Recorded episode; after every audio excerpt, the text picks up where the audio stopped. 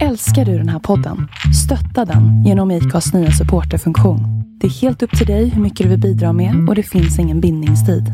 Klicka på länken i poddbeskrivningen för att visa din uppskattning och stötta podden. Hey, I'm Ryan Reynolds. Recently, I asked Mint Mobile's legal team if big wireless companies are allowed to raise prices due to inflation. They said yes. And then when I asked if raising prices technically violates those onerous two-year contracts, they said, "What the f*** are you talking about? You insane Hollywood ass." So to recap, we're cutting the price of Mint Unlimited from $30 a month to just $15 a month. Give it a try at mintmobile.com slash switch. $45 upfront for three months plus taxes and fees. Promo rate for new customers for limited time. Unlimited more than 40 gigabytes per month. Slows. Full terms at mintmobile.com.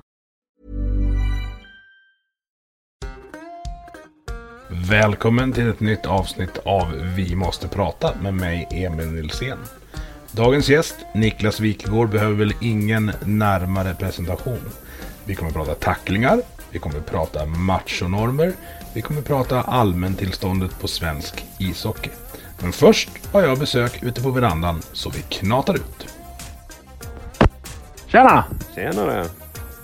Nu står jag här med den här fantastiska solfamiljen och tittar på mitt tak. Nu igen. Det ser bra ut va? Det ser jättebra ut. Du har ju perfekta förutsättningar Emil. Ja, vad är de perfekta förutsättningarna för solceller då? Ja, men hyfsad lutning på taket och sen ja, en stor yta egentligen. Eh, Så du får plats med ett gäng paneler. Ja, och här har du stått och räknat. Hur många får du upp här? Här kommer vi få plats med tre rader nedanför varandra med 12 i varje, så 36 paneler. Och det kommer ge dig ungefär 13,5 kilowatt installerad effekt. Ja, det säger mig ingenting. Jag vill veta vad det kommer ge mig för pengar. Pengar, ja, det är ju den där du köper elen för som kommer avgöra där då. Så du sparar ju in eh, alla de pengarna som du egentligen lägger på en elräkning när du använder din egen el. Så kan man säga, enkelt sett. Ja, okej, så man kollar på sin elräkning vad man har idag. Din förbrukning, precis. Precis, förbrukningen på elräkningen. Och sen går man in på... Eh, solfamiljen.se så kan man skriva in sina förutsättningar så, då, så kan vi komma ut hem till dig och ja, göra en eh, samma grej som vi gör nu här då, ett kundbesök, kolla på dina förutsättningar så får du en offert av oss sen. Och det har jag fått och den ser bra ut. Det här kommer jag tjäna pengar på. Det kan du också göra. Gå in på solfamiljen.se när du har lyssnat klart på podden. AirPods Pro kopplad redan och varför hörs jag inget ljud då? då? Det är det som är problemet.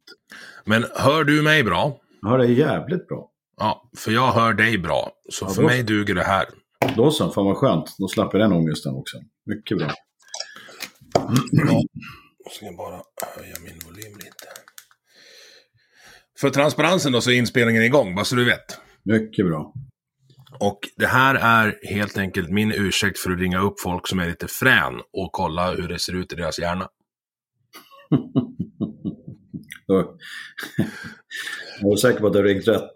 Ja, det, det, det tror jag. Eh, jag tittade lite, eller så jag tänkte tillbaks lite. Kommer du ihåg första gången vi träffades? Första gången, oj, oj, oj, oj. herregud, vad fan, junior-S, eller junior-VM, jag vet inte Emil, det var, jag har träffats så många gånger när Leksand har kämpat upp och ner, det måste vara 15-20 år sedan säkert. Något sånt där. Ja, jag tror att det var 18 augusti eh, 1999. Nej, 2009. Vad pratar vi om då? då? 2019, förlåt. Nej, 2009. Ja, det var när du- jag sprang på dig iförd endast bara kalsonger och hjälpte dig att få på ett par sämskinnsbyxor och ett par knätofsar. I en, Båten alltså. det var konferensen på båten. Sen är det så här, man, man lär ju definiera träffat. Alltså man har, jag har ju träffat en del hockeyspelare genom åren eh, med ett plexi emellan. Och Ja. Med olika grad av affektion eh, till varandra. Så där har, vi, där har vi säkert sprungit på varandra många gånger. För tittar man på Niklas Wikegårds Elite Prospect-sida Ja, så man får inte scrolla lika mycket som på Burakovsky och Josef Boumedienne, men det är fan inte långt ifrån alltså. med många lag menar du? Ja, många, men, eh, lång karriär tänkte jag mest. Ja, det blev ju det. Väldigt kort spelarkarriär och sen eh, blev det ju en hyfsat lång tränarkarriär ändå tycker jag. Jag hade vi kunnat gnugga på ett gäng år till men tänkte att jag skulle göra någonting annat. Jävlig kille och sen så på den tiden, eh, vi säger jag, som höll på där på 80, 90 och en bit in på 2000-talet, där var det ju väldigt ovanligt att man fick vara längre än tre år i en förening. Det fanns någon typ av två och tre år så sen skulle det bytas, eller så vill man själv iväg också. Det var, det var något typ så. Det, det, det, rulliansen på ledarna var mycket mer påtaglig än eh, rulliansen på spelarna. Nu är det precis tvärtom. Så, mm. men, eh, man har gnuggat på några år i den här eh, i, i hockeysvängen, Emil. Så är det. Mm. Måste börja med att fråga, alltså man har, man har ju någon slags bild av dig, eh, tv-bilden. Uh, hur mycket persona är det och hur mycket Niklas är det vi får se när vi ser dig i, i bås och i studio? Och vilken Niklas är det jag får träffa idag?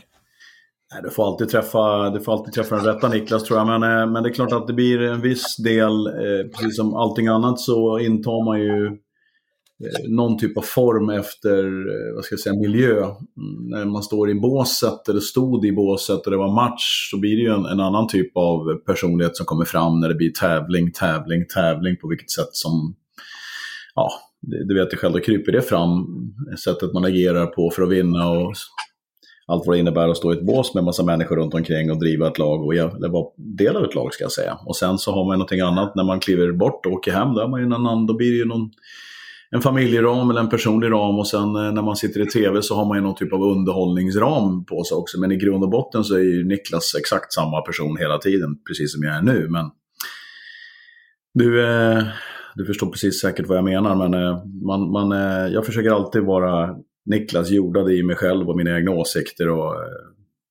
bidra med det, den jag är. Men olika ramar framkallar olika Niklas. Ja. så är det. Ja, det jag funderar på, det känns som att i tv, där försöker man få fram, eh, inte en konflikt, men ändå en dynamik i studion. Och eh, du, behöver, du behöver inte, vi kommer nog bli osams ändå, men du behöver, du behöver inte leta efter det när vi sitter och pratar så här. Nej, och sen är det som så också att eh, min, min tv, jag tror att det sitter kvar lite grann. Jag jobbade ju sex år på SVT direkt efter jag slutade på slutade som hockeytränare 2005. Och då gjorde jag ju två år med Peter Gide och fyra år med Marie Lehmann och sen massa turneringar med Chris Härenstam och lite grann Stefan Lindeborg. Och SVT äger ju inga rättigheter när det gäller hockey. De äger ju, ja, junior-VM på den tiden lite grann. Eh, men där kunde man ju ifrågasätta SHL på ett lite annorlunda sätt utan att känna att man skulle behöva ta ansvar för ligan. Eh, mm. Så då kunde man ju sitta under de här 30 minuterna och skulle vara väldigt kort, det var väldigt korta bollar. Och då blir det en, en annan typ av retorik som kommer fram. När man sitter i Simor och sändningen på en lördag är fem och sex timmar. Och det ska analyseras på ett visst sätt och det är vår liga. Vår liga betyder inte att vi inte är ifrågasättande, absolut inte. Men det blir ändå någonting som är annorlunda när man åker med i ligan i 52 omgångar varje dag och tittar rakt in i Leksand och tittar rakt in i de andra lagen än att sitta på ett 30 minuter på SVT. Det är den, den, de 30 minuterna under sex år, de, de ska säga, definierade de mig lite grann som tv-personen, åtminstone i rätt många år, tror jag. Mm. faktiskt.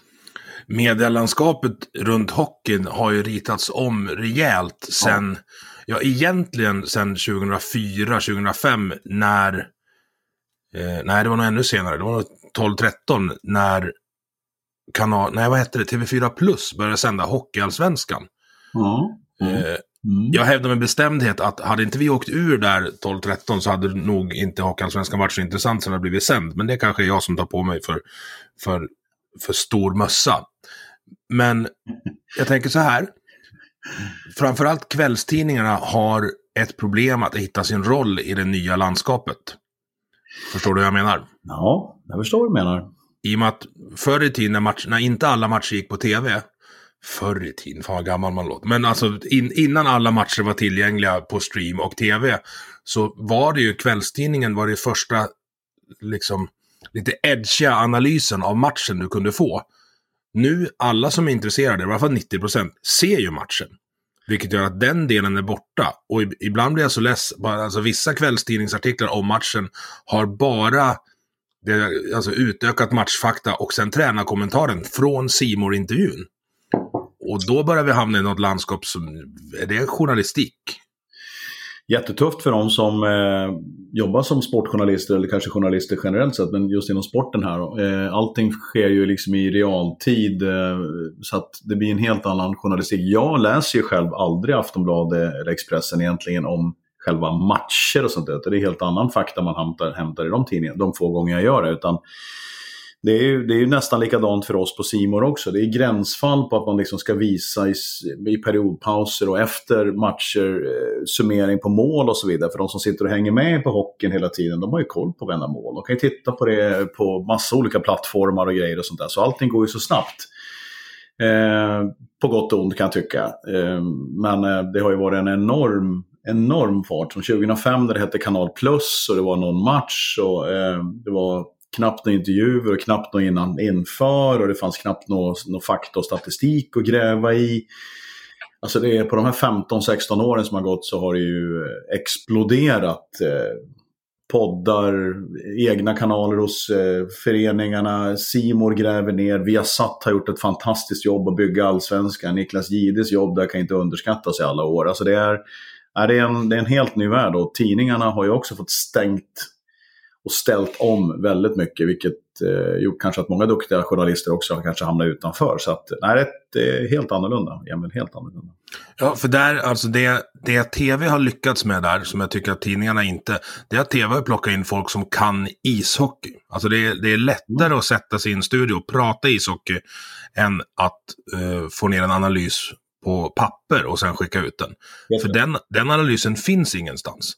Där är ju fotbollen mycket, mycket längre fram. Alltså det finns ingen, det finns ingen Simon Bank eller Erik Niva på hockeysidan. Det finns eh, duktiga journalister. Det bästa tycker jag som jag vet är Hans Abrahamsson. Han, eh... Ja, han är faktiskt han, han är bra.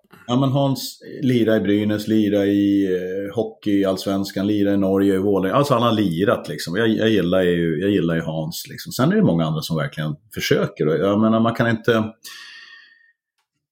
Vad ska jag säga? Det, det, är, ibland kan jag tycka att de som inte har den här erfarenheten från att ha spelat eller, eller tränat kommer in med väldigt klok... Oj, okej. Okay. Fast det är klart att det, det, är ingen nackdel att man har att man har erfarenheten på antingen på bänken eller lirat eller både och. Så, och det kanske, jag har dålig koll faktiskt Emil på fotbollen där. Om, om Simon Bank och Olof Lund och de här killarna är liksom... Ja, de, de ger ett djup, alltså de går in i... Eh, jag lyssnar mycket på det When We Were Kings med, där, där Niva är med. De kan liksom sitta och prata i fyra timmar om ett argentinskt lags säsong 02-03. Ja. Och det, så det, det djupet skulle, skulle jag vilja ha. Sen är det, det är skillnad på hockey och fotboll.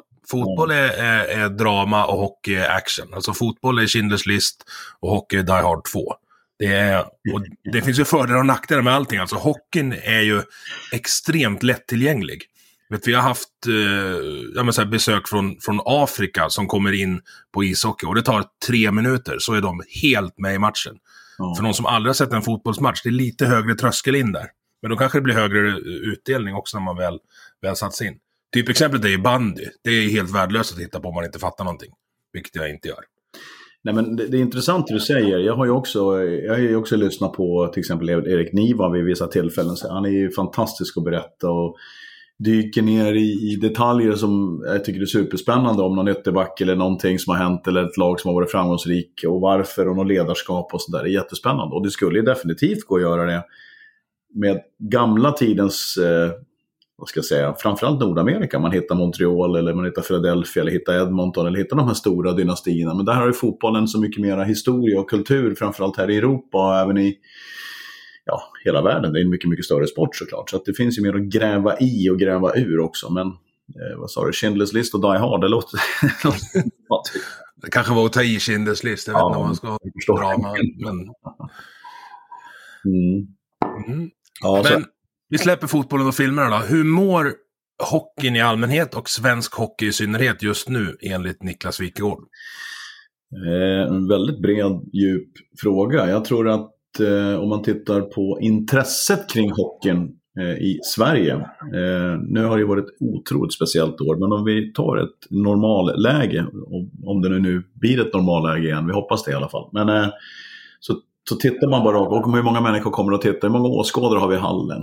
Fylls det på med nya åskådare, alltså nya människor som kommer in och är intresserade av hockey? Där tror jag att hockeyn ligger ganska bra till. Eh, tror jag klubbarna på SHL-nivå och även på allsvensk nivå sakta men säkert stärker sig, blir bättre och bättre att kommunicera med sina fans. Det där kan du bättre med Emil, men jag tror att SHL och allsvenskan, hockeyn i stort sett när det gäller intresse tror jag att det är bra, ska jag vilja säga. Eh, och i normala fall så tror jag också att ordning och reda i föreningarna är bra. Eh, annars hade man inte klarat en sån här säsong som jag gjorde också. Det är min uppfattning i alla fall. Eh, sen finns det garanterat eh, vad ska jag säga, utrymme för förbättringar, men eh, det har hänt mycket där. Hockeymässigt, spelmässigt, är väl inte jag lika imponerad av det som sker. Vi har ju haft en extrem utarmning i SHL. Där spelare flyttar, hundratals som lämnar ligan, vilket gör att spelet blir kanske lite vingligt ibland. Och sen spelsättet som har utvecklats de senaste åren kanske inte jag är så heller imponerad av när det bara är frågan om egentligen hastighet. Eh, jag förstår att man, eh, att man väljer ett spelsätt kanske i föreningarna för att göra det enkelt för vissa spelare att spela. Man behöver inte fundera så mycket. Det blir inte mycket skicklighet och spel intelligens i det hela. Men samtidigt gillar jag när det är ges och ta lite mer och det är lite variationer mellan lagen och det är variationer i lagen. Eh, jag gillar när Knuts och Karlsson får spela sitt aggressiva spel i fjärde och så kommer en annan typ av spelare in och så vidare. Jag gillar liksom mångfalden i lagen, jag gillar mångfald i serien och den tycker jag har varit lite dålig de senaste åren. Och till sist så gillar jag också när det blir, eller jag tror att många håller med mig, när det blir lite mer fysiskt spel och det håller ju på att tunnas ut. Eller rättare sagt, det är ju nästan borta det fysiska spelet. Så att det, där är jag väl orolig faktiskt. Ja, det går ju för fort. Alltså fysiskt spel nu medför ju fara för att, för att man ska säga, grundhastigheten i spelet har ökat. I och med att man försökte ta bort de här spelförstörande momenten så har man förstört spelet. Ja, det, är ganska, det går ju att spela fysiskt. Det ser man ju i slutspelen när Skellefteå-Rögle brakar ihop eller när Leson träffar folk eller, och så vidare. Så det går ju att spela fysiskt, men det kräver ju mycket mer. Eh, det som är intressant är att i slutspelet är det knappt en enda hjärnskakning. Det är knappt någon som får kliva av på grund av någonting. Vaino ramlar och slår huvudet i isen där i, i Växjö och det händer säkert någonting. Men det, det, det handlar ju väldigt mycket om uppmärksamhet i de här hastigheterna och det är ju det är någonting som är en bristvara. Eh, så det går att spela fysiskt, men jag håller med dig. Spelförstörande liksom, ambitionsnivån att ta bort hakningar och fasthållning och sånt där har gjort att spelet har accelererat. Spelsättet har förändrats och man tog bort redline och så vidare. och Så vidare och så vidare. Så vi har fått en helt annan hockey och frågan om det är det är som en, man ställer man frågan garanterat till SHL till, ta en sån som Johan Hemlin som säger du vi måste göra någonting åt ligan. Du, det här är inget roligt att titta Varför då? Det är fullt i hallarna, säger de. Okej, okay, ja. Ja, men det är, det är ändå en bra... Alltså det, jag kan köpa det argumentet från, om, om du säger från, från SHL-håll, att så mm. länge folk kommer så är det ju bra. Men det var ju inte tråkigare om man... Det finns något klipp från våran, eh, den här hemska semifinalen mot Färjestad eh, 97. Ja. När vi leder med 3-0 i, i avgörande matchen och ändå lyckas torska. Eh, Alltså att titta på hur Greger Artursson gräver in klubban i naven så fort någon kommer igenom mittzon och åker vattenskidor med i 30 meter. Ja. Det fast det var ju inte, det var inte tråkigt då heller. Nej, nej, absolut Men... inte. Och det, det krävs mycket mer att göra poäng och skapa lägen och så. Jag tycker en, en, en mix mellan det där Emil hade varit bra. Att man kräver att man får hålla lite mer och man får trycka lite mer. Att man får vara lite jobbigare. För man liksom, det, blir ett, det blir ett ganska bekvämt spel här i våran liga. Så kommer du ut internationellt, du får inte hålla och slå på samma sätt som tidigare där heller. Men det, det tillåts en hel del mer. Framförallt tillåts det hårdare spel. Liksom. Och, eh, ja, jag vet inte. Jag, tycker, jag har ju varnat för, för att vi eh, premierar de, de, ska inte säga de lata, det är ett hårt ord, men pro, pro, vi premierar de mjuka spelarna, de som normalt sett inte hade tagit sig hit som hade blivit utsållad ganska tidigt eh, genom att man inte har tillräckligt mod eller kraft eller ork att ta sig upp i hockeyn. För att det är jobbigt och det gör ont och det är, då får vi fram en viss typ av spelare. De får vi inte riktigt fram nu för att de spelarna är kanske inte tillräckligt duktiga på skridskor till att börja med och de är bortsållade från början. Och sen då kommer de här killarna fram som är jäkligt snabba och rörliga men som inte tål de här smällarna. Som ligger kvar på isen och som ligger och gråter och tycker att det är jobbigt att få en tackling på läppen och sånt där. De, det var ju för många av de lirarna nu och det, det gillar inte jag. Nej, och, och sen försvinner ju lirarna också. Alltså om det bara är full fart rakt fram. Ja. Alltså jag är livrädd att Dick Axelsson är den sista liksom virtuosen som kliver av nu. Ja, nej, men det är också en missuppfattning bland, bland folk ungefär som att jag menar, vi har väl all, hade väl aldrig haft, jag menar Leksand har ju bara kryllat av skickliga spelare som har klarat av och spelat i den här hockeyn där man tillät hakningar och fasthållningar. Och det var till Mm. överallt i hela ligan. På den tiden när det gick lite långsammare så hade man ju flera Espen Knutsen och Micke Johansson och Nilsen och Karlberg och allt vad de heter. För några, Leksand har ju generation på generation med sådana skickliga killar. Så att de, de har helt rätt. Eh, Det blir för lite lir, för lite fysik och för mycket fart som har varit just nu kan jag tycka. Så är. Jag har ju en del drastiska idéer ibland när, när vi... Hör När vi, då, hör då. när vi ser- nej, men så här, jag tycker vi ska ta bort åldersindelningen upp till hockeygymnasium. Dela in efter vikt och längd istället så du alltid har någon som är ungefär lika stark som dig som du tampas med. Ja. ja. Då kommer, jag tror att man kommer utvecklas ännu mer då. Och sen låt ungarna tacklas. Alltså vad fan. eh, eh, det är ju nu- ja, men nu tar vi bort tacklingar fram tills, vad är det, när de är 13. Ja, det känns som att ta bort dem till och med 25 nästan. Men jag Ja, förstår. nej, men så, och, så, och så släpper vi in dem i tacklingen när, när de är i puberteten. Det kan skilja 50 centimeter och 50 kilo bara. Nu ska vi börja tacklas. Ja, hur gör man det? Ja, gissa vem som kan det då? Jo, men det är Bibbage-pojkarna som, som liksom var i, i puberteten när de var nio. Ja, kul att vara i samma lag som dem. Nej, men du har ju helt rätt. Jag är ju själv eh, uppvuxen med att alltså, de små killarna som kom in, de fick ju lära sig att spela ett spel som ja, klara av att titta upp. Här kommer en stor spelare. Hur gör jag för att bromsa upp, en hand, bromsa upp den här killen och så vidare. Jag menar, eh, jag, jag tycker definitivt man ska få tackla från början. Då, det kommer inte vara något problem genom att man smyger in som sexåring, sjuåring, åttaåring och får känna på de här grejerna. Så jag håller med. Mm. Jag tycker att, och det tror jag de flesta gör faktiskt. Jag har ju väldigt svårt för det här också. att att man inte får räkna resultat och mål och så vidare. Men det är en annan grej. Det, vi, vi, det blir ju en väldigt... Den, den står faktiskt med här, för jag menar, ungarna har jättekoll på vad det står i matchen. Det där är en föräldragrej. Herregud, de har blykoll på vad det står, hur många matcher de har vunnit, eh, hur de ligger till i någon typ av tabell som inte finns och så vidare. De har, det där är ju jättemärkligt. jättemärkligt. Men det är, jag brukar, brukar sällan dra mig med, med eh, termen politiskt korrekt, men det där är ju det, eller om man ska kalla det signalpolitik. Att nu tar vi ett beslut för att det känns bra. Eh, spelar ingen roll vad det får för effekt, men beslutet kändes bra. Ja. Och det är livsfarligt om man hamnar i den. För det, alltså det blir kontraproduktivt. Det är så mycket kölande föräldrar eh, som är så oroliga på alla sätt och vis. Så att, eh, jag vet inte, samhället har ju, har ju förändrats. Den, den, eh, den där delen att, att lilla Niklas själv fick ta sig till rinken med, med lägga upp trunken på cykeln och cykla en snön ner och eh, ha sig omkring där på isen och knyta sina griller själv och sen cykla hem igen eh, och komma hem och försöka göra läxan. Den, den har ju nästan försvunnit. Liksom. Den, eh, nu är det, det, det är ett annat samhälle på, på något vis. Och, eh, det skapar inga vinnare direkt. Det skapar ingen, det skapar ingen hårdhet direkt om man säger så. Eh, Nej. Det är, det är helt annorlunda. Och det kan, man, kan vi sitta och snacka mycket som helst om att vi skulle vilja se tacklingar från dag ett och vi skulle vilja se att man normalt sett räknar eh, mål och resultat och tabell. För att det, jag menar, samhället ser ut som så. Man får ju lära sig att vinna, får lära sig att förlora, och lära sig att komma igen och lära sig att bita ihop och lära sig hitta vägar framåt. Eh, men det är ju ett, ett överbeskyddande på, på alla nivåer som gör att man man blir ju orolig hur det kommer att se ut i framtiden. Om det är någon som kommer att spotta i nävarna och kavla upp armarna och göra ett riktigt dagsverk och, och mm, förstå att, att vara ledsen och vara orolig och tycka att det är jobbet det är någonting som är helt normalt i, i livet. Det kommer du uppleva många gånger som vuxen och får du inte uppleva det liksom på ett lagom sätt när det, när det växer upp så kommer det bli väldigt jobbigt när du blir vuxen. Så att, men det där snackas det ju hur mycket som helst om men det blir ju ingen förbättring ändå. Så att, eh, ingen, ingen ändring ändå. Så jag vet inte. Nej, och du har helt rätt. Alltså ju tidigare du lär dig det, desto, desto större fördel får du mot de som inte lär sig det. För Precis. verkligheten kommer att lära dig det här. Någon gång. Garanterat. Ja.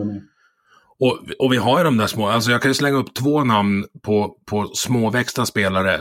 Alltså det är så här, jag tror ingen har mer hårdhet per kilo än Oskar Lang och jag tror ingen har mer ondska per kilo än Magnus Hedlund. Alltså två killar vi har haft här som är Alltså, jag brukar ju säga till Magnus Hedlund att han är så kort som man ser fötterna på körkortet. Det tycker han kanske inte om. Men, men alltså han, kommer du ihåg Magnus Hedlund? Absolut. Liten rörlig back. Ja, och stenhård. Mm. Låg aldrig kvar. Oskar Lang ligger aldrig kvar. Alltså ligger Oskar Lang kvar då får vi plocka in en ambulans för då har det hänt något på riktigt.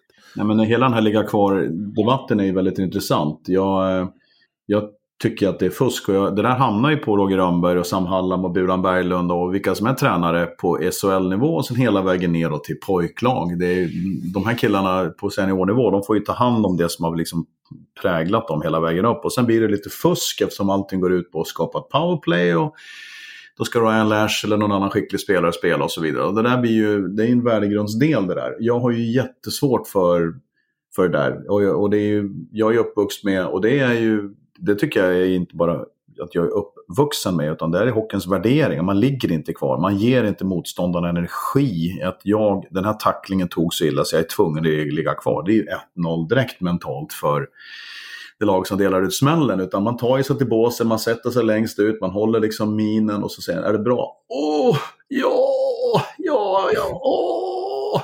Och så andas man en minut eller två så kommer coachen, kan du lira? Ja, för fan, jag lirar. Och så tittar man, den numret hade han och så ska man försöka så småningom det dyker upp läge så tacklar man han igen.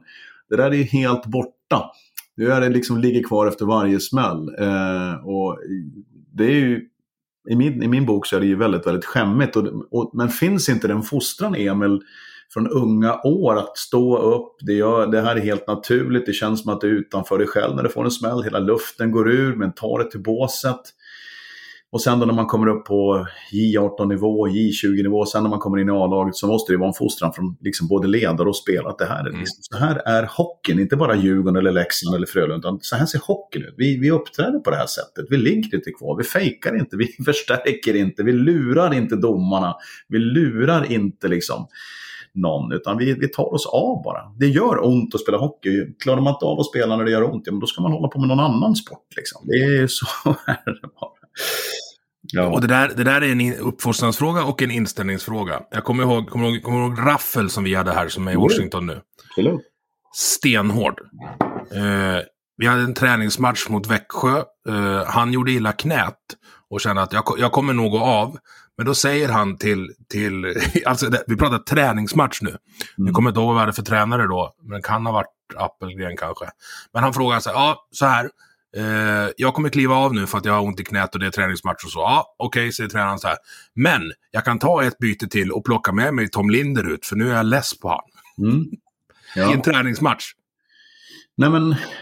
och gå in med ett fungerande knä och slåss med Tom Linder. Då, har man, då är man rätt, rätt hård i grundinställningen. Nej men alltså det, det handlar ju om, och, och, du, du pratar om små spelare. Jag har aldrig gjort någon skillnad på små eller stora spelare. Alltså små spelare, alltså, det, alltså alla har ju sina för och nackdelar. Man ska ha ingen fördel att vara en liten spelare. Man ska inte ha någon nackdel av det heller. Utan de spelar ju hockey utifrån sina förutsättningar. Så ska en Tom Linder 2.03, han spelar hockey utifrån sina förutsättningar. Men alla liksom går innanför samma ramverk. Liksom. Vi, vi håller oss till det. Vi, det finns en respekt.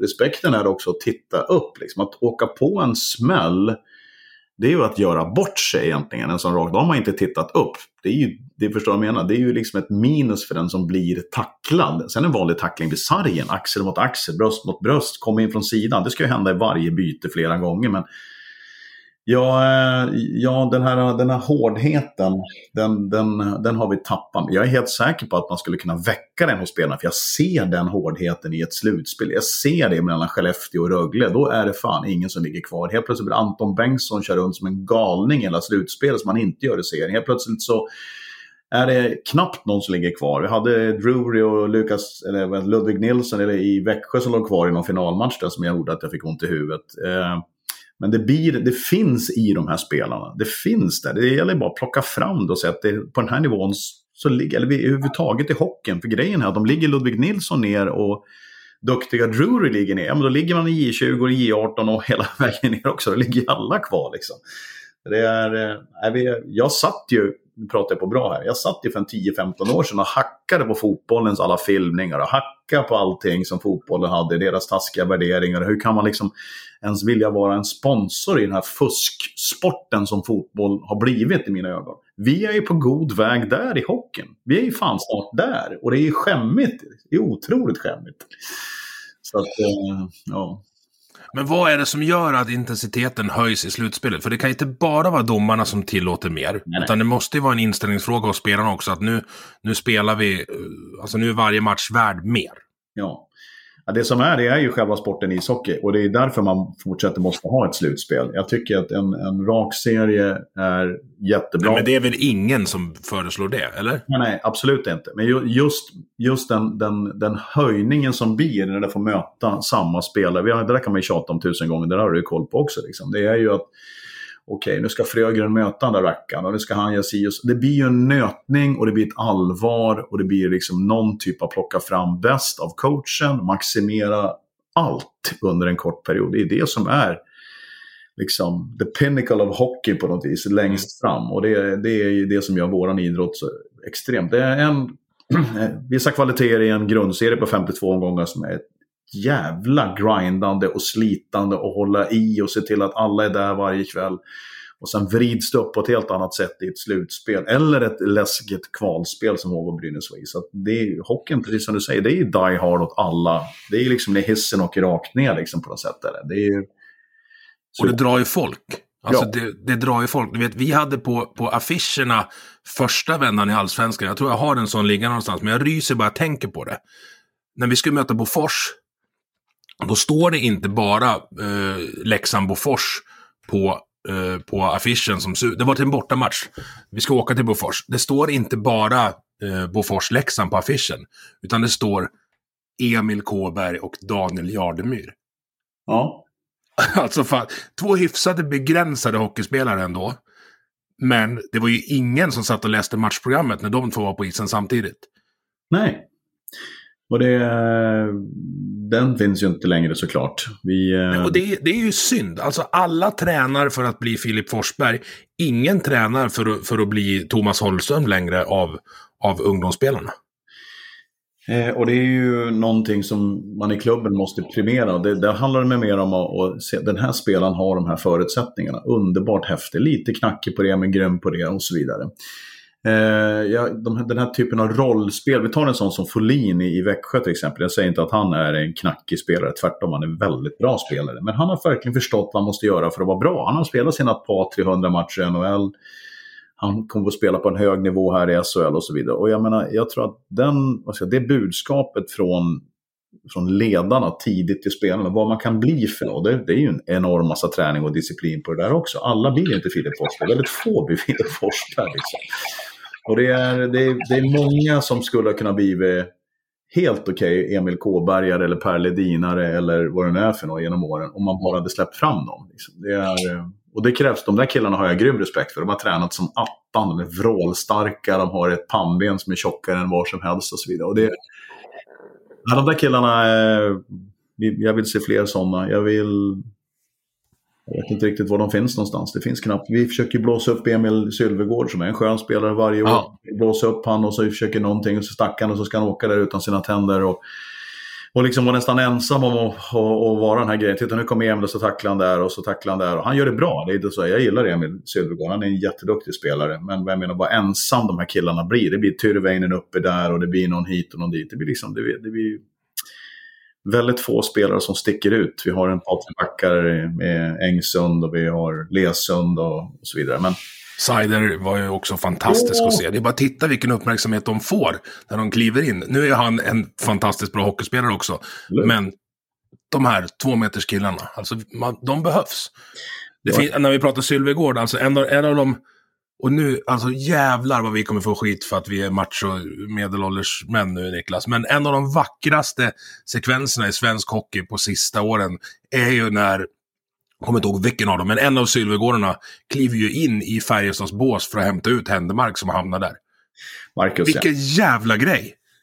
Ja, nej, men det är, de är ju annorlunda. Hela den familjen är ju annorlunda. Liksom. Och de står ju upp för varandra och står upp för sitt lag. Och man kan tycka det är ju världens snällaste människor utanför rinken. Och då menar jag hela den familjen med mamman i spetsen. Eh, men folk måste förstå, det handlar inte om någon macho hit och dit. Det handlar, jag är ingen macho-kille på något sätt. Jag är ju nästan tvärtom. Men när det blir ishockey så vill jag att det ska spelas på ett visst sätt. Och Ja. att det, vara, det ska vara på ett visst sätt. Eh, sen får man kalla det vad man vill. Det är, för mig är det ju ishockey. Och det, det, där, där finns det regler och ramar, men det måste vara vi mot dem. Annars är hockeyn helt ointressant. Och eh, där är Marcus Sylvegårds agerande där är någonting som kommer vevas i, i alla tider när han går in där. Och så får han, lite, får ordentligt med stryk och så bam, bam, bam. Och han delar ut någon smäll och så vidare. Och sen kan det säljas biljetter på det där. Nu är Marcus tillbaka i Malmö och kommer där ända igen och hit och dit och sådär. Och det där är ju... För mig, för mig är det där liksom någon typ av varumärkesbyggande av, av hockeyn. Eh, och sen får folk tycka vad de vill om det. Så är det. Ur tränarperspektiv alltså vad gör en sån sekvens med ett lag?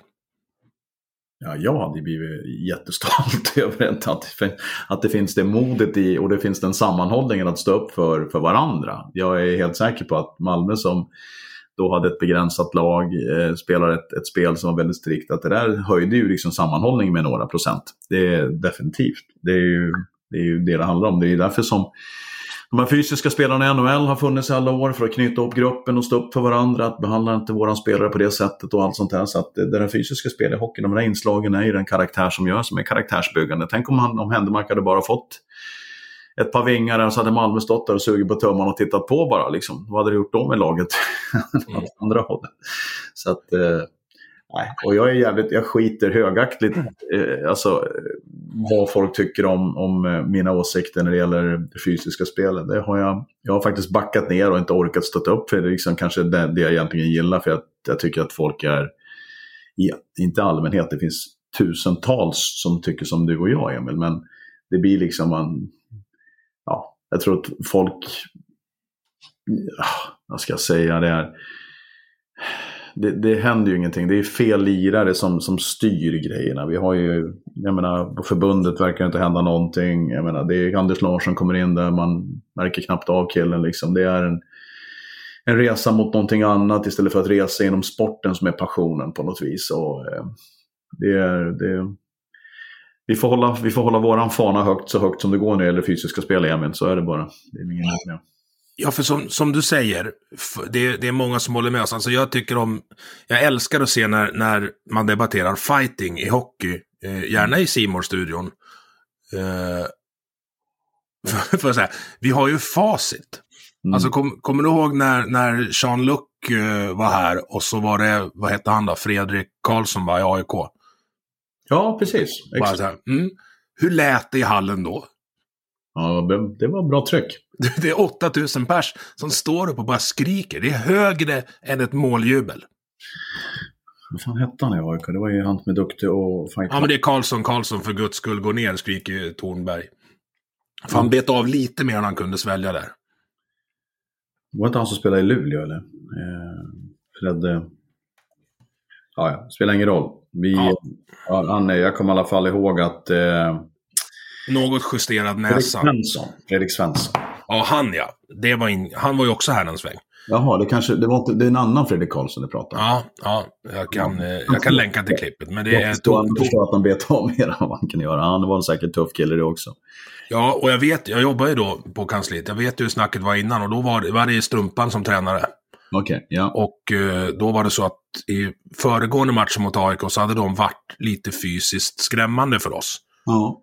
Eh, så Lucken hade så här order att är det någon, är det, är det läge så går du hela vägen. Ja, ja. Och det gjorde han. Ja, ja. Nej, men... men, och jag, men det, det, låter, det låter löjligt, men det finns, en, det finns en samhällsdel i det här också. Att vissa killar, jag vet för jag är en, har det här liksom behovet av kampen i sig medfött.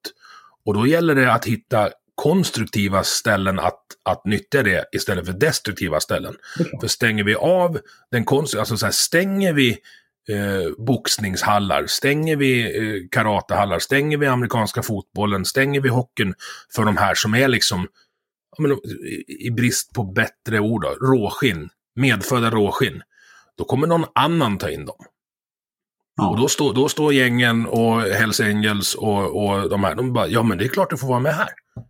Och det är ytterligheterna hela när det gäller rekryteringen. Men, eh, men jag håller med. Och eh, det får ju inte hända såklart. Det måste man ju se till. Och, de här typen av sporterna som du pratar om, alla sporter, all idrott, all föreningsverksamhet skapar ju i grund, är ju är till för att skapa goda samhällsmedborgare såklart med bra värderingar och respekt för vad som är mitt och vad som är ditt och hela det här köret. Det är det det handlar om i botten. Och sen i slutändan någonstans så ska man få fram en elit som underhåller oss och tycker att det är jättespännande. Liksom. Det, är ju, det är ju otroligt viktigt. Jag vill bara trycka på, om man tittar historien, så liksom börja med Mike Ford i Frölunda och det fanns säkert gubbar inom han. Om det är Des Moroney, Mike Ford och sen har du massa sköna svenskar.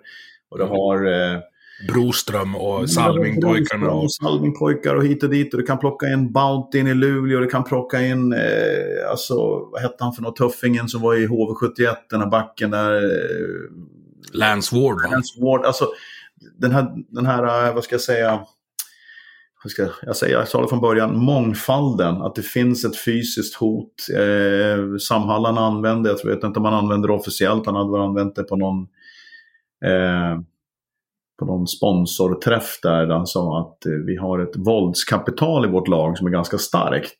Och då hade vi Muttra och Dona och då hade Sam sagt att ja, men det är ingen HR-avdelning där. Och våldskapital det är inom, ja det vet, situationstecken. Alltså med, med hockeyns möjligheter att, att, att göra motståndarna mindre. Det är det det handlar om, att få dem att tveka.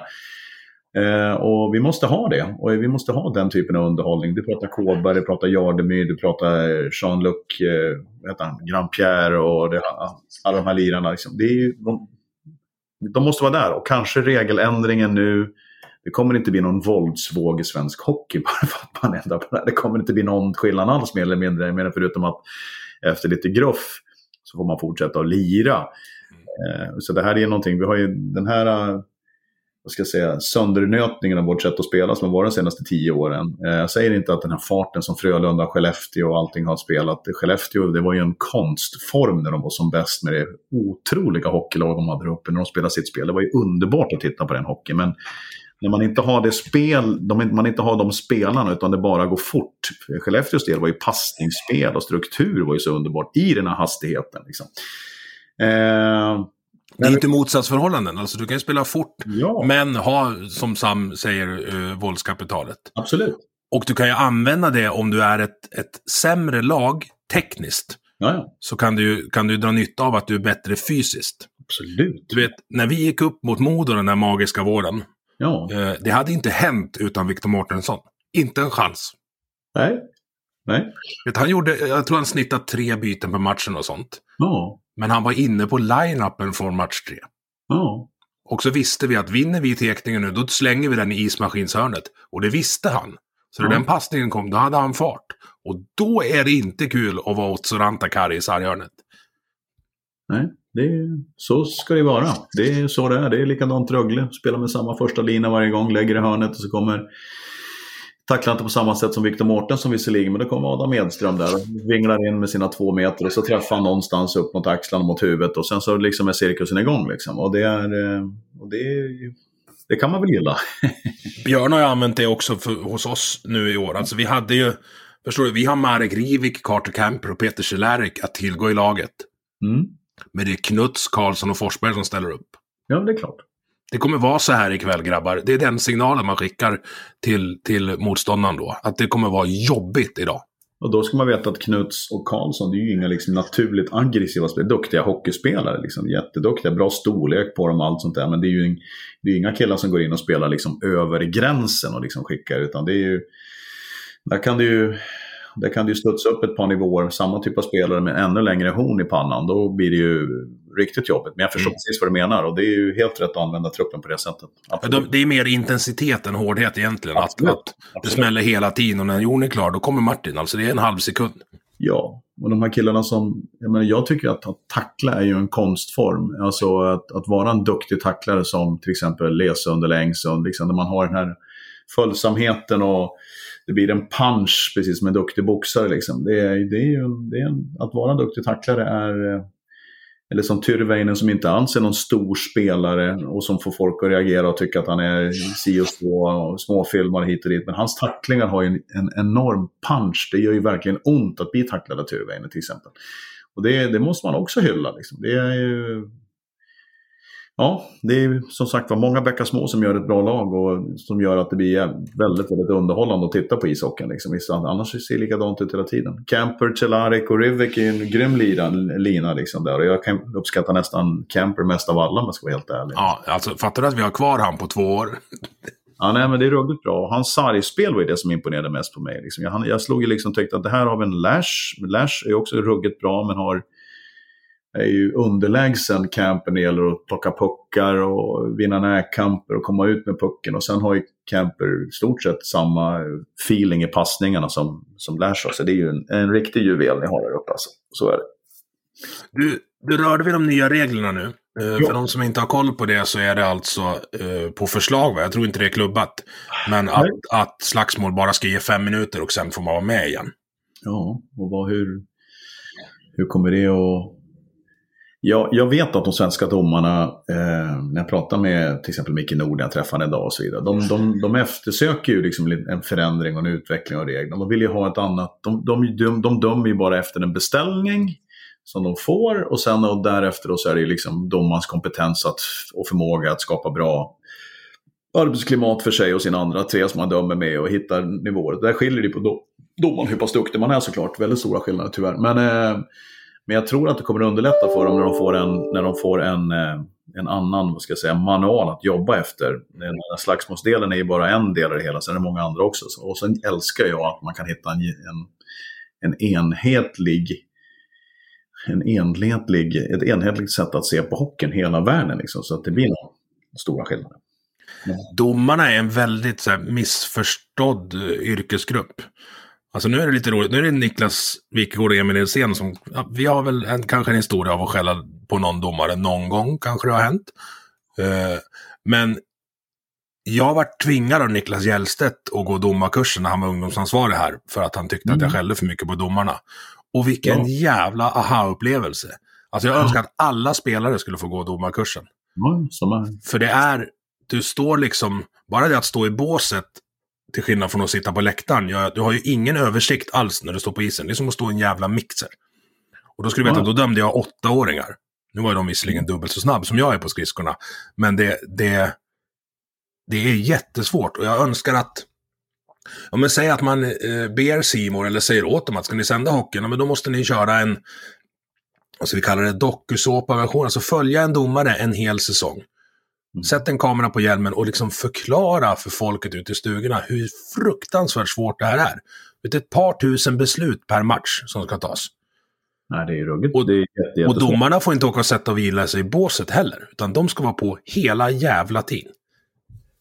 Ja, nej, jag håller med. Och sen eh, är det ju som så också att man, eh, jag ogillar nog extremt mycket när domarna säger att det går snabbt där ute. Ja, det gör det när du kör Formel 1 eller vad som helst också. De har ju tränat genom pojklag, juniorlag, division 1, allsvenskan. Och det är liksom eliten som är där uppe och de ska klara av att ta de här snabba besluten. Sen att det blir fel ibland, att man missar ibland, absolut, fine fish, inga problem. Men de de är eliten precis som spelarna. Man har krav på dem att ta emot puckar och göra mål och ta markering och så vidare. Så att de ska klara av det. Men jag vet att det är väldigt, väldigt, väldigt, väldigt tufft. Självklart. Eh, så att många gånger så får de säkert skit fast de inte ska ha det. Jag tyckte det var häftigt. Jag fick ju döma också där. Jag har ju i och för sig som hockeytränare så dömer ju varje två mål fyra, fem dagar i veckan. Men det är lite annorlunda. Mm. Du släpper pucken och det tar inga utvisningar i stort sett. Utan det tar bara liksom... Men, men man, jag har jag har respekt för domarna. Däremot så tycker jag att eh, det finns lite att göra. De skulle behöva bli en, en mer homogen grupp. Jag tycker ledarskapet från Torsbrink känns lite mjukt. Jag, jag, kan tycka att man, det blir lite vi och dem istället för att säga ah, fan det här missar jag.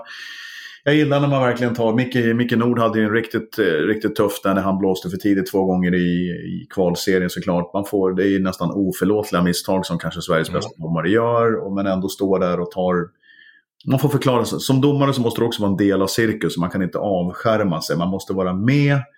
Eh, samtidigt som jag inte vill att domarna ska synas. Om du förstår vad jag menar. Den, den delen i det hela är viktigt. Då, då är det viktigt att man har ett ledarskap runt domeriet också som är på SHL-nivå. Och eh, det finns fortfarande mycket att jobba med när det gäller domarna. Jag gillar det, ska bli kul att se han, eh, vad är han gamla Boforskillen där, vad han heter för något. Eh, Westner. Westner som kommer upp. Jag såg han i några matcher, man är alltid två nu som dömer såklart, vilket är, bara det är en utmaning. Jag såg han i kvalspelet där, ah, det kändes bra. Han har ju ett bra kroppsspråk och vi tuffar upp med de här killarna som, eh, som, som har lite mer hår på bröstet tycker jag faktiskt.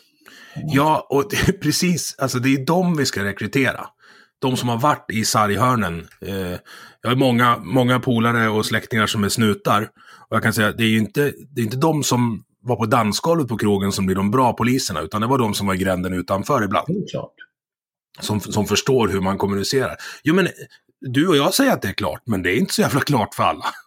Nej, och det är kanske inte så klart att få in Wernbloom eller få in Jämtin eller få in Ledin eller få in de här killarna att börja döma. Liksom. Eh, men det skulle ju vara underbart häftigt att få in ett gäng som, det behöver inte vara bara dem, alltså. det kan ju vara... Alltså, det, kan, det kan vara en mix.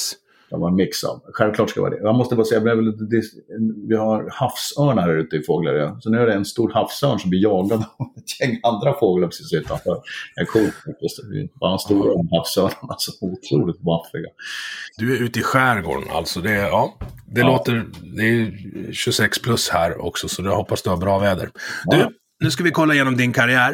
Uh, du har en gång coachat en av mina favoritspelare i, under hela min tid som, som läxing.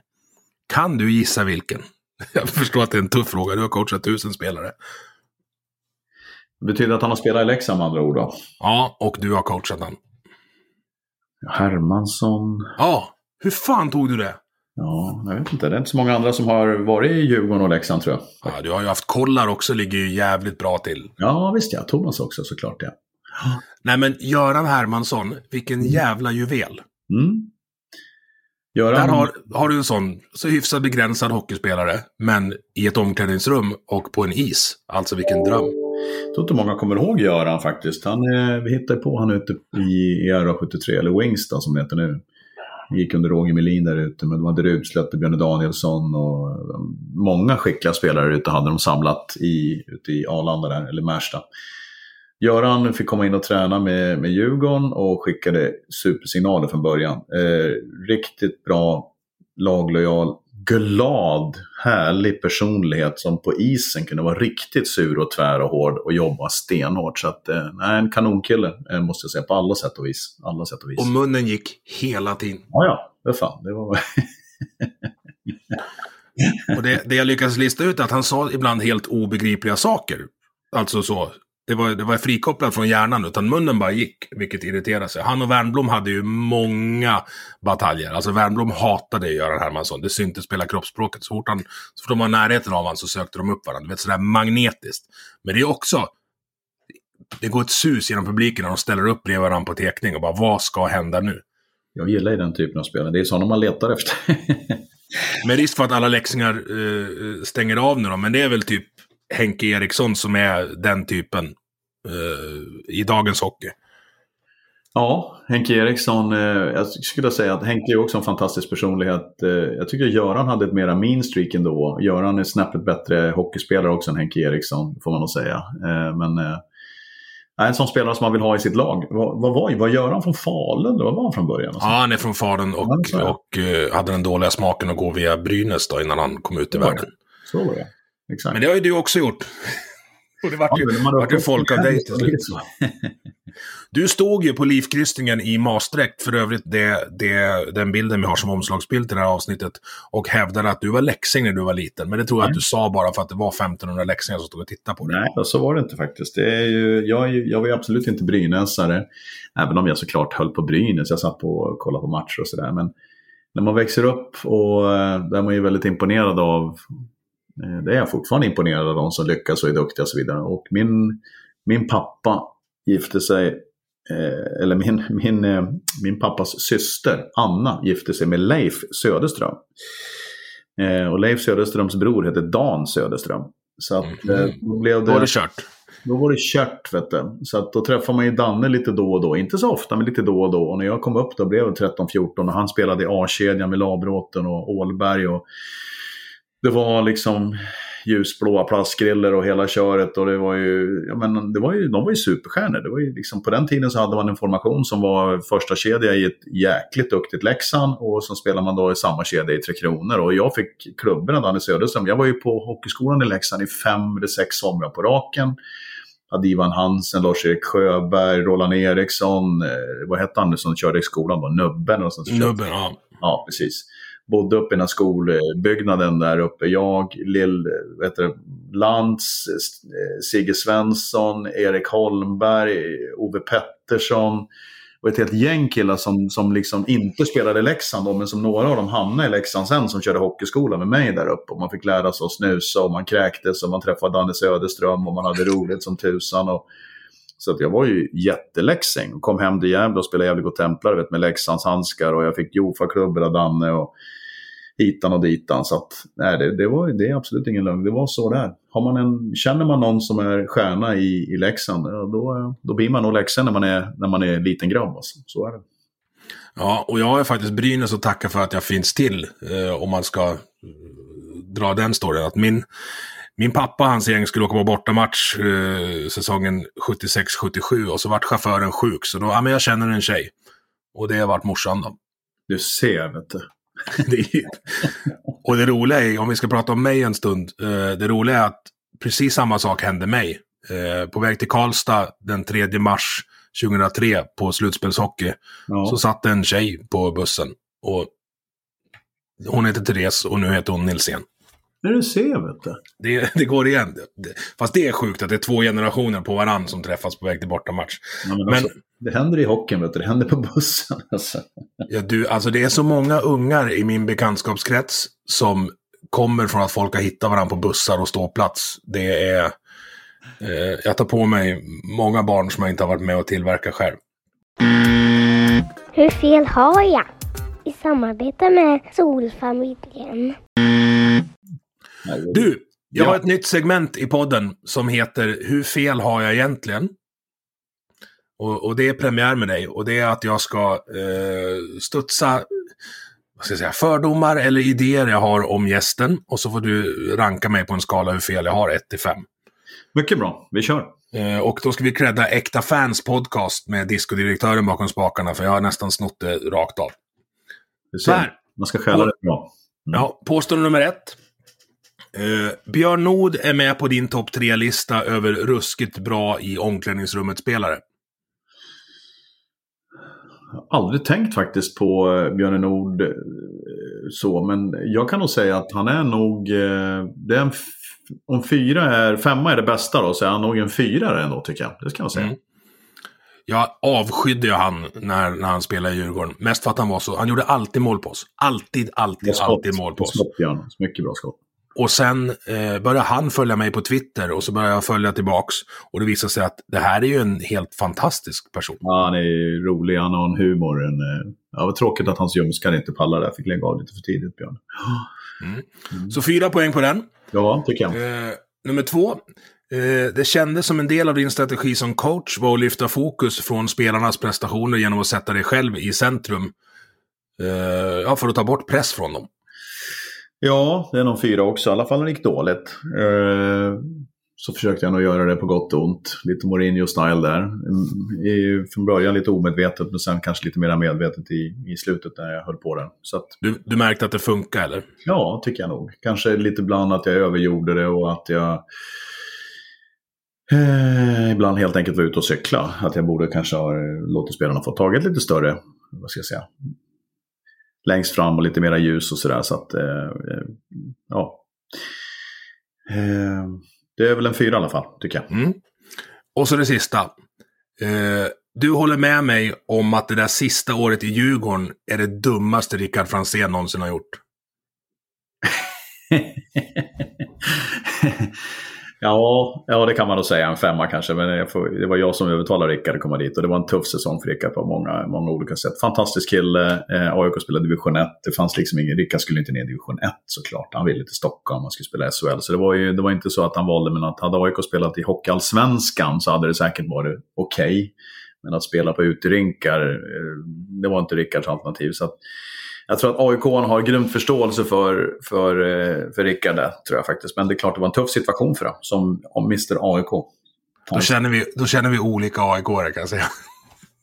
Ja, precis. Men komma hem och spela gratis i AIK när man fortfarande var professionell och allt sånt där. Det var, nej, det var en tuff situation tror jag. Han, och så ville han komma in och den här lockout-säsongen som det blev också blev ju ännu tuffare i och med att det fylldes på med väldigt, väldigt skickliga spelare i alla ligor och sådär. Så att, eh, nej. Ja, men det har vi nog, där kanske det är en, och vi säger inte att den är en femma, men en fyra i alla fall.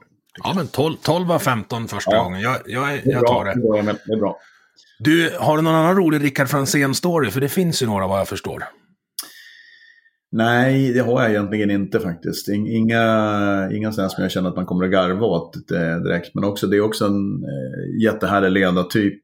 Otroligt professionell, eh, glimten i ögat. Jag förstår att han eh, gör det bra som, som ledare ute i Europa och kommer säkert komma hem till Sverige också. Han är ju en eh, naturlig ledare, Rickard. Eh, man, man trivs runt omkring en sån spelare, helt klart.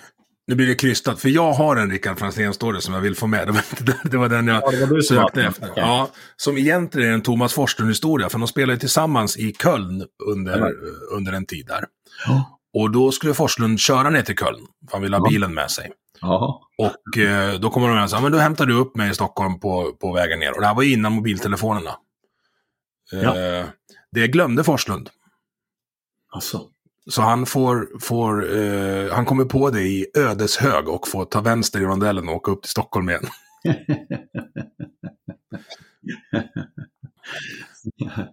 ja, det är inte lätt hänt alltså. Ja. Men en, en sån spelare, om vi ska, vi kan baka ihop det här i, i, i Thomas Forslund. En sån spelare skulle ju förmodligen aldrig ha överlevt med dagens medieklimat. Nej, eller så har han fått kamma till så ordentligt. Jag känner inte Thomas. Jag har ju bara hört massa stories om han har... Först och främst var han en jättehärlig hockeyspelare. Han hade ju också ett mean streak i sig. Rätt tuff spelare och hade farten och skickligheten och allt. Han var ju hela paketet. Men han, mm. förstås så var det full fart på sidan om också lite grann.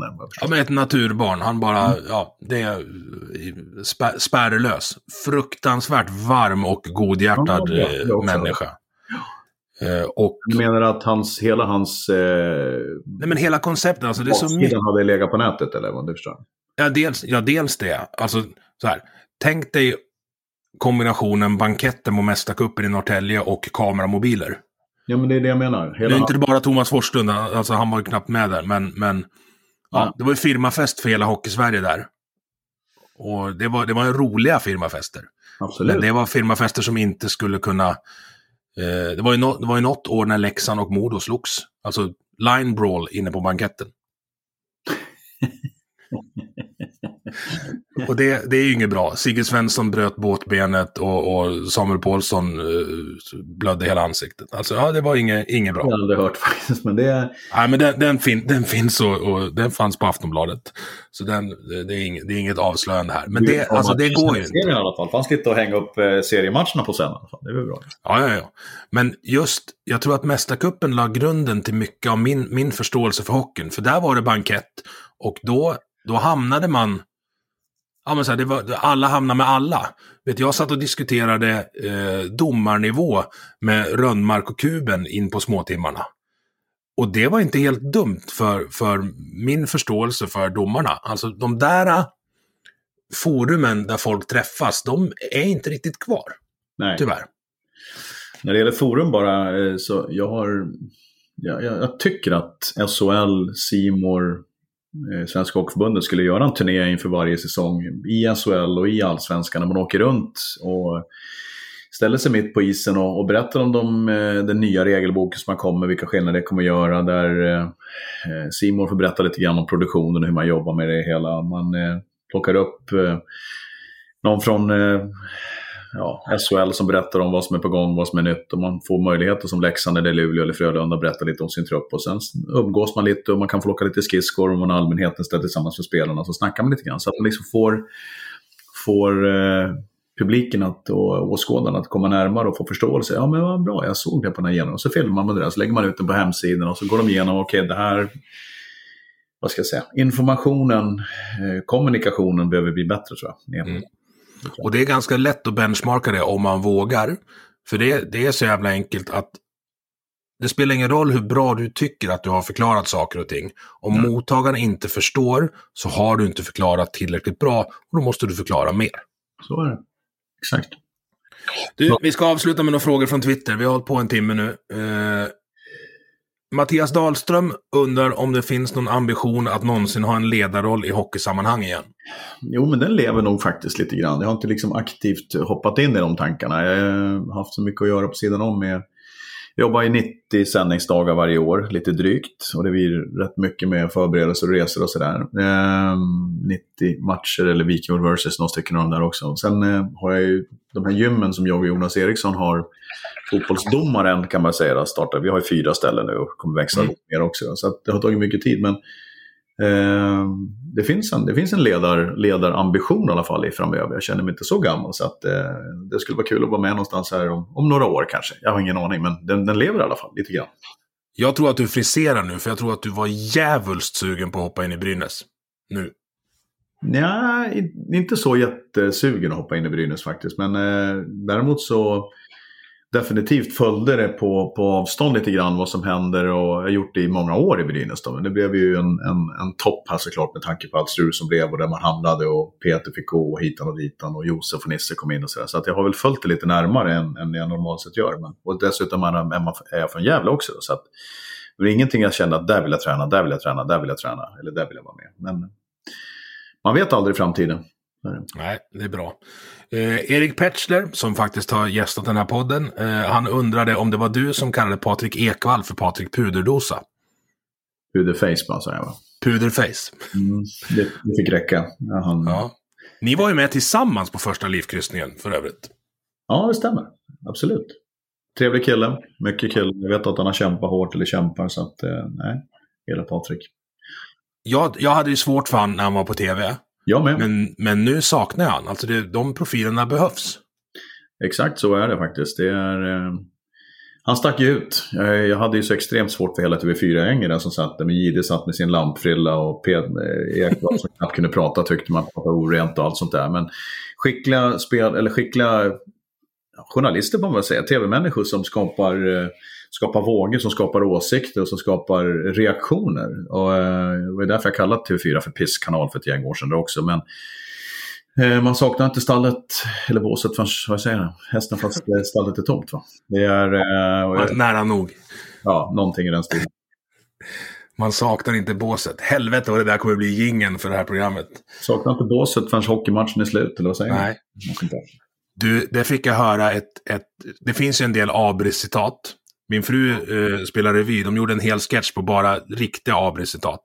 Men så fick jag höra ett, det bästa någonsin, det var Matta Ingel som berättade för mig att när han pratade med Abris, han, han var ju med och, och, försökte rädda oss kvar när vi åkte ur första gången där, våren 01. Ja. Och med Danne Söderström för övrigt, klev in i, i båset. Och då, då hade han sagt till Matta så här, du vet Matta, hockeyn, det är som en svår sjukdom. När man inte har den, då saknar man den. ja, det är, Abris är min drömgäst i den här. Jag ska verkligen försöka få med han. För det är ju, det är ju värre än vad folk tror. Och roligare än vad folk tror. Ja, ja jo, det är, jag har ringt honom många år sedan. Då svarar, vad svarar han för något? Han svarar... Jag vet inte, han svarar inte med sitt namn. Man säger, ja, jag vet inte vad han sa för något. Det var någon... Kan du säga, höj! Ja men alltså liksom, eh, det var ett jättekonstigt svar ungefär så här självklart. Mm. Nej, ta in han, det kommer jag lyssna på. Jag träffade han i kassan på Hemköp eh, när vi precis hade fått vårt första barn. Jag var inne och köpte välling och, och där. Han bara, ja, har du fått unge? Ja, ja, berätta hur det har gått till. Och han lassade upp jäst, mjöl, socker, mjölk, muffinsformar. Och så här, ja, jaha, håller du på och ska du ha kalas och baka? Så här, äh, frun håller på att baka, skicka hit mig glömde bort vad hon skulle ha. Så då har han gått in på bakavdelningen och bara plockat på sig random grejer och hoppas att han har fått med sig det hon, hon saknade hemma. Så skön problemlösning. Ta lite av allt. Mm. Lokard undrar, var det någon speciell händelse som gjorde att man inom svensk hockey tog steget bort från det klassiska fysiska spelet? Eh, det har vi ju pratat om. Ja, det är regeländringar och massa annat som man har försökt komma bort från. Häng och kläng och spelförstörande moment där, men det har gått åt fel håll. Så, det så där är det ju alltså. Om man ska ändra i ett hyfsat fungerat system, så ett hyfsat komplext fungerat system, så kan ändringarna få eller oftast får det konsekvenser som man inte kan förutse. Just för att det är människor vi har att göra med och människan är ett komplext djur. Mm. Så är det, absolut. Eh, Det är därför man blir, ju äldre man blir, desto mer konservativ blir man. Alltså, ska vi ändra på något? Nej, vi kanske inte ska ändra på någonting. Det kanske får, det kanske får funka. Och sen, Kotte, Kotte Tollsten, förmodligen den enda människa som har flygt ett svenskt passagerarflygplan iförd Leksands matchtröja. Mycket bra. Han undrar, vilken kommentator har du bäst kemi med? Åh, Vi breddar det från kommentator till vilken, vilken, vem, vilken i simor gänget är roligast att jobba med då? Ja, men det är en jättebra fråga. Jag jobbar, eh, det, jag jobbar med tre stycken kommentatorer. Det är eh, Johan Edlund mest, Lasse Granqvist och Åke Unger. Någon sväng med Lena och med Björn också. Men de första tre, första tre där, det är alla kommenterar på sitt sätt. Eh, och jag tycker att det är jättespännande att jobba med, med de där tre. Eh, så är det. Och det är svårt att säga vem passar bättre. Det är mer av hur matchen blir. Blir det ett extremt ös framåt och det händer grejer, då tror jag Åke är vassast faktiskt att jobba med. Är det en, är det liksom en vanlig bra match, vet inte, tror jag någonstans att det är Johan Edlund som är snäppet. Och sen har du Lasse som är på sitt sätt som är helt grym. Då. Men eh, det, de är lite olika de där killarna. Och, eh, och sen har man ju det som är roligt med alla ska jag säga, i vi har ju blivit så tajt gäng som, som är tillsammans hela tiden. Det är att det funkar före och efter sändningarna. Det är ju det som är kanske den stora grejen, att man har någonting att delge varandra. Och där tycker jag Simor med redaktörer, det är ju en extrem process, eller apparat runt omkring. Det är, jag menar, en vanlig torsdag, Emil, så måste det ju vara en 150-200 man som jobbar med sändningar i Sverige. Det är en sjukt mycket människor. Och där är redaktörerna och bildproducenterna. Och, det har blivit som en enda stor familj måste jag säga. Och sen har du då chefen Segerborn som försöker hålla ihop det här. Men jag var ju med, var med några gånger på utsättningen med, med han Christopher Bro, hette, hette han va? Mm, Braven, ja, han är på SVT nu. Ja. Alltså vilken, det var militäriskt. Alltså vilken jävla koll på allting. På sekunder. Ja, Alltså det var grymt imponerande. Och vi är ju också, som man säger, vilken är roligast och lättast att jobba med. Vi sitter ju också, eh, synkningen från kommentatorerna ner till, eller till kamera, till bussen, rätt bilder, rätt information. Bam, bam, bam, bam, bam. Det är ju liksom, vi håller på flera dagar inför varje match och nöter och skriver och donar och möten och telefonmöten och så vidare. Så att, svar på frågan. Eh, många bra kommentatorer, men jag tror att eh, Åke, Johan och Lasse, det är, de, det är de tre jag jobbar mest med och det funkar, tycker jag, kanonbra. Lasse har gjort övergången från liksom rabblande matchreferat till eh, studioankare excellent. Alltså vilken nestor han är. Lasse, är ju- det är någonting som är fel på gubben. Alltså, det är, Ja men det är min, det är min drömgäst i, Ja. i podden. Du får, du får ringa han och säga åt honom att vara med. ja, det kan jag göra sen. Ja, men Lasse, är- han är, han, är, han är ju liksom Ove hemma i kvarteret när han ska vara rätt och riktig. Men så otroligt fylld med, med humor. Han är, han, är, Och värme på något sätt. Ja, alltså man blir är- glad av han. han är helt fantastisk. Ja, det är, Torsdagar är ju heliga här när sporthuset kommer ut. Där du alltså har Lasse, Tommy Åström och Jens Fjällström som ankare. Och så Irma Hedin och Lena Sundqvist har varit med någon gång också. Och de har Miro Salar. Alltså torsdagar, mina ungar vet om det. Att torsdag morgon då har pappa pält och lurarna på sig. Det är ingen idé att prata med honom. För det, jag har varit med någon gång där också faktiskt. ja. ja, jag med. Jag rök ihop med Tjomme ungefär sex månader innan eh, han kom hit. Ja, okej. Eh, I sporthuset live. Så det, vi, har fått, vi har fått tala ut. Bra. Du, det här var jättetrevligt. Ja, tack detsamma. Tack Det detsamma. finns tusen frågor som jag, jag eh, inte har... Alltså så här, vi har inte ens pratat om Vilda Väsby. Nej, nej. Vi, vi får ta den eh, någon annan gång. Det var en, en, annan, eh, en annan tid. Det såg lite annorlunda ut då. Så är det. Men eh, Ja. gärna för mig. Gärna för mig. Bra Niklas, tack för den här timmen. Du, eh, tack själv Emil och jag har en eh, riktigt skön sommar på det. Hälsa havsörarna. Det ska jag göra. Bra. Hej då. Du har lyssnat på Vi måste prata som produceras av mig, Emil Nilsson. Tycker du om det du hörde? Dela avsnittet med dina vänner och på sociala medier. Vill du stötta podden kan du göra det via Patreon där du hittar den på patreon.com snedstreck vi måste prata i ett ord. Eller så swishar du en slant till nummer 123 671 46 79. Vi hörs!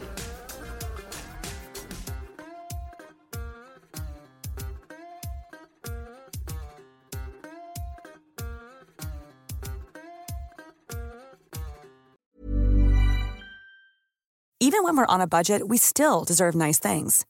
Quince is a place to scoop up stunning high-end goods for 50 to 80% less than similar brands. They have buttery soft cashmere sweaters starting at $50, luxurious Italian leather bags, and so much more. Plus, Quince only works with factories that use safe, ethical, and responsible manufacturing. Get the high-end goods you'll love without the high price tag with Quince. Go to quince.com/style for free shipping and 365-day returns.